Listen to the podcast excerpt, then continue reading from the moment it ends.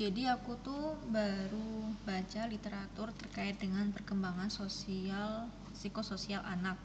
Itu teorinya Erik Erikson di mana di teori ini meyakini bahwa ada delapan tahap perkembangan atau stage perkembangan psikososial anak yang harus dipenuhi tiap stage-nya.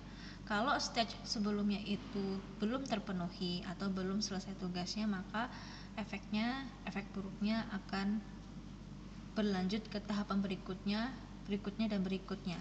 Seakan-akan dia menuntut untuk harus dipenuhi dulu baru dia hidup bersikossosial yang baik atau benar. Terkesannya seperti itu. Nah di sini aku tertarik di tahap ketiga. Ini ada tahap inisiatif versus rasa bersalah. Harusnya ini terpenuhi di usia 3-6 tahun. Terus kalau misalnya ini masalahnya atau tugas perkembangannya itu nggak selesai nggak bisa terlampaui tugas perkembangannya bakal ngefek ke masa dewasanya kurang bisa mengembangkan harapan-harapan. Karena dia kurang inisiatif gitu kan. Nah aku tuh jadi ngeh jadi guru-guru itu mungkin nggak semua ya. Tapi aku pernah dengar. Jadi ini adalah pengalaman yang uh, entah sebenarnya sejak kapan atau tepatnya kapan atau dari mana pengalaman orang atau orang lain atau aku sendiri pokoknya aku kayaknya pernah dapat insight. Wah kamu orang kurang inisiatif nih atau dia kurang inisiatif bikin tugasnya jadi kurang baik dan sebagainya. Nah mungkin kita sebagai orang yang nggak ngerti apa-apa taunya dia itu ya emang nggak pinter nggak inisiatif nggak kompeten. Tapi pernah nggak ngerasa kalau dia itu mungkin ada masalah terkait dengan fase perkembangan sebelumnya terutama di stage ketiga ini atau di masa kanak-kanaknya di usia 3 sampai 6 tahun kan berarti TK ya? Sebenarnya uh, dia mengalami pengalaman buruk apa sih? Atau yang kurang menyenangkan apa ketika TK itu kan sebenarnya bisa ditelusuri. Atau kita nggak judge dulu lah oh ini anak nggak inisiatif nih gitu. Atau kita jadi sebel gara-gara dia nggak inisiatif. Ya who knows? Sebel boleh sih manusiawi tapi nggak sampai judgement lah atau labeling dia negatif.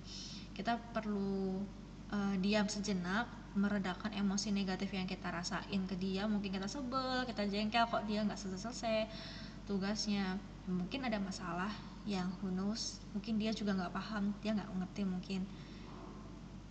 Nah apa yang bisa kita lakukan? Sebenarnya aku nggak tahu secara pasti tapi minimal at least nggak bikin stigma atau bikin label negatif atau judgmental ke dia. Tapi cobalah kita tenangin dulu sebenarnya dia kenapa ya?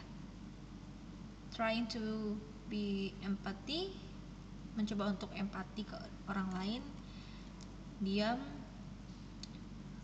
rasakan emosi yang dia rasakan juga. Coba coba pahami di posisi dia gimana kalau kita ngerasain apa yang dia rasain sekarang? Kira-kira gimana ya? Oh mungkin dia kesulitan kesulitan di mana ya? Mungkin aku bisa bantu. Who knows? Ya gitu. Masa lalu masih terus berlanjut di masa sekarang dan masa depan kan? Jadi jangan sepelein hal-hal yang simple.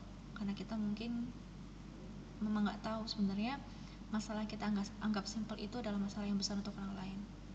Mereka struggling mereka fighting dengan kelemahan mereka. Dan itu bukan semestinya kita judge. Atau ya istilah Jawanya tuh ngenyek gitu. Enggak tapi kita perlu berempati